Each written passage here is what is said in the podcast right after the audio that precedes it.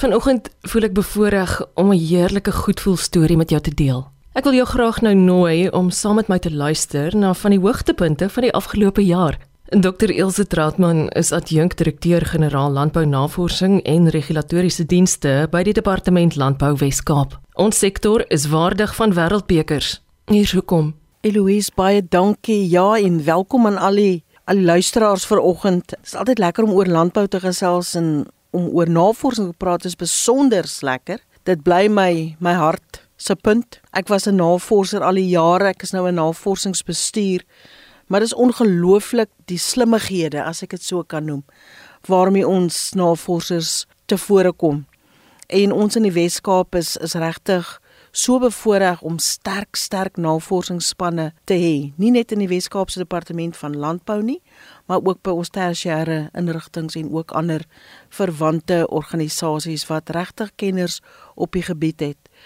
Ek dink as ons in landbou vandag wil kompeterend wees, as ons slim wil produseer en slim wil uitvoer en slim die hele waardeketting bedryf, kan ons nie sonder navorsing wees nie. En en ek wil 'n lansie vir oggend ook breek vir ons navorsers wat maar elke dag agter die bank, as ek dit nou spreekwoordelik kan noem, so hard werk om net daardie nuwe inligting vir ons boere te bring.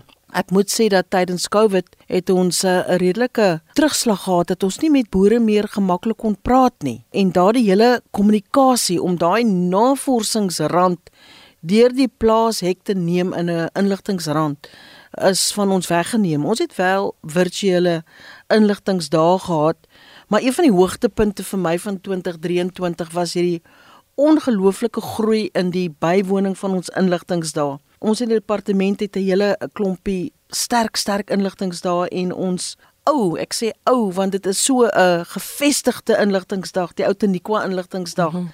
Was van jaar weer so suksesvol en meer as 150 mense het bygewoon en dit was regtig vir ons so lekker om weer daardie gesig tot gesig gesprekke te hê. Ons het ook ons uh, jaarlikse bewaringslandbou kongres gehad, meer as 200 mense bygewoon. Ons Riversdal Boeredag dit groei elke jaar en ons was verbuister met die 350 mense wat bygewoon het. Ons skog um, inligtingsdag op Moreesburg op ons langgewens navorsingsplaas 250 bywoners en dit wys net vir ons dat daar werklik 'n honger is na nuwe inligting. Nou navorsers is baie sensitiewe siele. Hulle genereer nuwe inligting, maar dan wil hulle so baie graag hê iemand moet kom luister na daardie nuwe inligting en ek wil sommer nou by voorbaat vir ons boere dankie sê vir dat julle kom luister het en kom inligting insamel het. Want navorsers werk vir julle. En ons sien uit na volgende jaar na nog 'n goeie navorsingsjaar. 'n goeie inligtingsjaar en ek dink as daar goeie wisselwerking is tussen behoefte gedrewe navorsing en die antwoorde wat dan van die navorser weer teruggaan na die produsent toe, dan het ons eintlik 'n ideale wisselwerking. So navorsing ja, dit was 'n hoogtepunt hierdie jaar. Klimaatsverandering wat dit betref was al wonderlike geleenthede. Ek is so dankbaar ek kon dit self bywoon Elsje. Eloise, ja baie dankie. Op klimaatsverandering gebied het ons baie baie sterk as Wes-Kaapse regering vorentoe getrek. En wat ek bedoel as Wes-Kaapse regering, ons het ook sterk hande gevat met ons uh, departement van omgewingsake en uh, ontwikkelingsbeplanning en saam met ons 'n hele paar aktiwiteite geloods.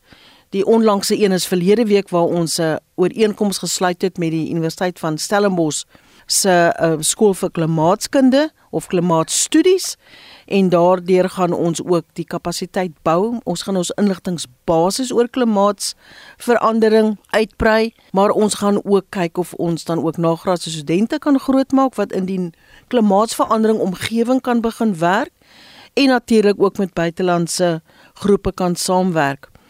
Maar ons moet baie versigtig wees om te dink klimaatsverandering is is net gefokus op die hoogs akademiese aktiwiteite. Ons het uh, een van die hoogtepunte van van my jaar was die jeug saamtrek wat ons in Oudtshoorn gehad het in Augustus. Wat 'n wonderlike ervaring om vir 2 dae lank met jong mense uit die landelike omgewing van Oudtshoorn, De Rust, Uniondale te gesels en hulle is so so gretig om klimaatsambassadeurs te raak ook in hulle omgewing, in die landelike omgewing. So ons moet klimaatsverandering met oop arms gryp en sê wat doen ons om klimaat slim te raak? veerkragtig te raak, klimaatsvlugvoetig te raak, maar hoe bring ons ook die jeug in hierdie prentjie in? Almal kan 'n rol speel in klimaatsverandering om ons baie meer weerstandbiedend te maak. Ek dink wat ook vir ons belangrik was is die oorseese reis wat ek en my kollega professor Stephanie Mitchley onderneem het na Kalifornië. Dit was so 'n goeie gesprek basis in Kalifornië dat ons so opgewonde is en is eintlik 'n verskriklike lekker aankondiging wat ek nou wil maak, maar in die naweek van 2 Desember is ons in Dubai by die groot klimaatsverandering kongres COP28 COP 28 wat hierdie jaar in Dubai aangebied word en ons gaan daar 'n ondertekening doen van 'n vennootskap, 'n partnership agreement met al die Mediterrane lande. En hierdie ooreenkoms word genoem die Mediterranean Climate Action Partnership En is vir ons 'n heerlike veertjie in die hoed dat ons as een van die stigterslede, die Weskaap, as een van die stigterslede van hierdie vennootskap gesien word. So dit is regtig vir ons belangrik om dan ook met ons Mediterrane vennote saam te werk. Italië, Griekeland en so meer om seker te maak dat die inligting wat hulle genereer en die inligting wat ons genereer kan lekker saam in 'n pakkie gaan om ons baie meer klimaatslim te maak. Ek dink ons is baie opgewonde oor oor 2024 oor die navorsing en die werk wat ons in daardie gebied gaan doen. Maar ek wil ook baie dankie sê aan ons produsente wat te midde van van die droogte en onlangs twee vloede baie baie slim te werk gegaan het. Ek het um, trouens gister gehoor iemand praat van Suid-Afrikaanse boere is amper soos die rugby spelers. Om die waarheid te sê, hulle is beter as die rugby spelers. Want as daar geskrim moet word, dan skrim hulle en as daar vinnig losgebreek moet word, dan breek hulle los en hulle maak planne. En hulle is vlugvoetig en as daar 'n probleem aankom, dan pak ons die bil by die horings. En ons wil dankie sê vir die boere wat te midde van al hierdie uitdagings rondom klimaatsverandering tog gesê het ek laat my nie nou hier afsit nie. Ek wil kos produseer, ek wil voortgaan. En dit is maar net die wil van die boer, maar ook die besef van ons om te weet boere doen ongelooflike werk in die Wes-Kaap en ook in Suid-Afrika. Ilse, ek glo met my hele hart, landbou is met dankbaarheid diep gewortel in grond, nie net metafories nie.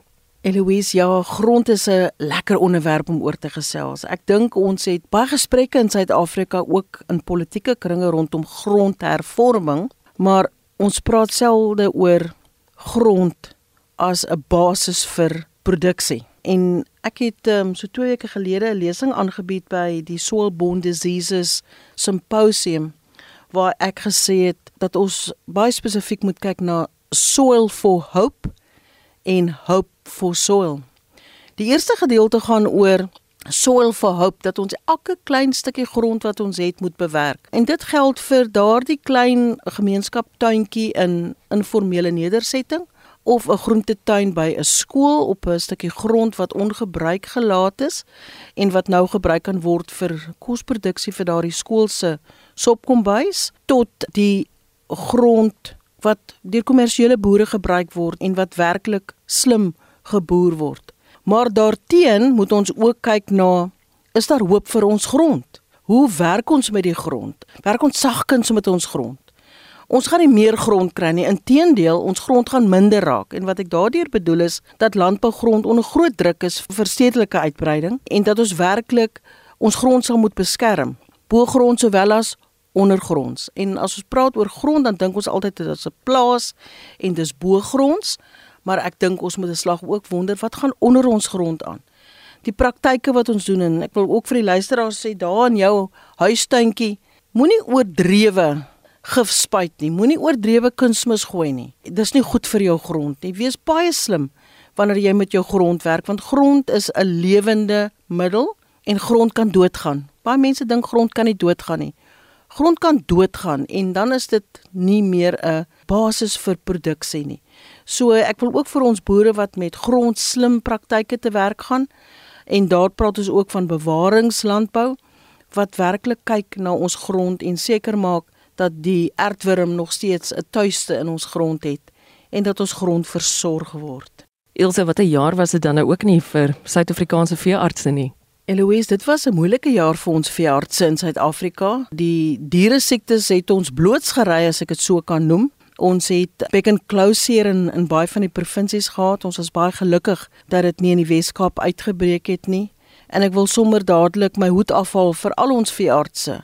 Ons staatsveeartse in ons departement van landbou hier by die Wes-Kaap, maar ook vir ons privaat veeartse wat werklik toegewyd is en elke dag hard werk om seker te maak dat ons biosekuriteitsmaatreëls die beste is en dat ons seker maak dat ons nie onnodige uitbrake kry nie. Ons het weer 'n volgriep. Ek dink al ons luisteraars is bewus daarvan.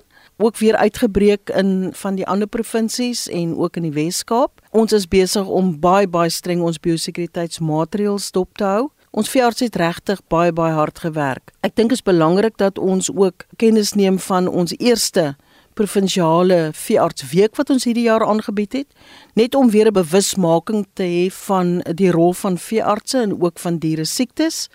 En ons het 'n hele week van aktiwiteite gehad wat grootliks gefokus was op hondsdolheid, ook in ons informele nedersettings om seker te maak dat al ons diere ingeënt word, maar ook het ons besoek afgelê by 'n abattoir. Ons het 'n vark inligtingsdag gehad, so dit was 'n week vol gepak met veearts funksies en aktiwiteite. Dit gaan 'n jaarlikse instelling wees, so in 2024 het ons weer 'n provinsiale veterinêre week en hierdie jaar gaan ons 'n twee dag byeenkoms of kom ons noem dit 'n simposium hê om ook 'n klomp gesprekke te hê oor wat staan ons te doen om baie meer slim te wees rondom diere siektes en ek wil sommer op daardie noot ook vir al ons luisteraars sê maak seker jou diere is ingeënt. Of dit nou kitty of wagter is maak seker jy maak ook seker jou diere is veilig.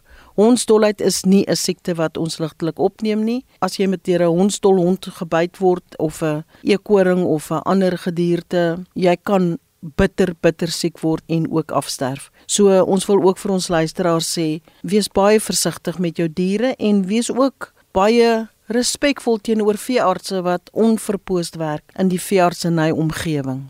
Ilse een ding wat nie twee is nie, is die feit dat 'n mens landbou baie moeilik verlaat as jy eers daarin is. En dit het te doen met die mense. Eloise, ek dink as jy nie in landbou werk nie, het jy nie die diep gevoel van die mense in landbou nie. Ek dink dis unieke mense. Dis mense wat lief is vir die grond, wat die grond kan optel en dit ruik en dit verstaan en wat elke dag met 'n jubel in die hart 'n grond wil ontmoet en werk en ploeg en pluk. Dis al daai lekker aktiwiteite rondom grond. Hierdie jaar het ons in die departement geweldige klomp funksies gehad en aktiwiteite in ons landelike gebiede om die mense in landbou te versorg, te vertroetel, opleiding te gee, hulle menswaardigheid weer terug te gee, seker te maak dat hulle ook verstaan dat elke mens wat in landbou werk, of jy nou op die plaas spit en of jy die eienaar van 'n plaas is, jou rol in die voedselmandjie in Suid-Afrika en spesifiek in die Weskaap is so so krities. En dit was nou 2 weke gelede vir my so besonder en spesiaal en 'n voorreg om die 2023 landbouwerker van die jaar kompetisie by te woon.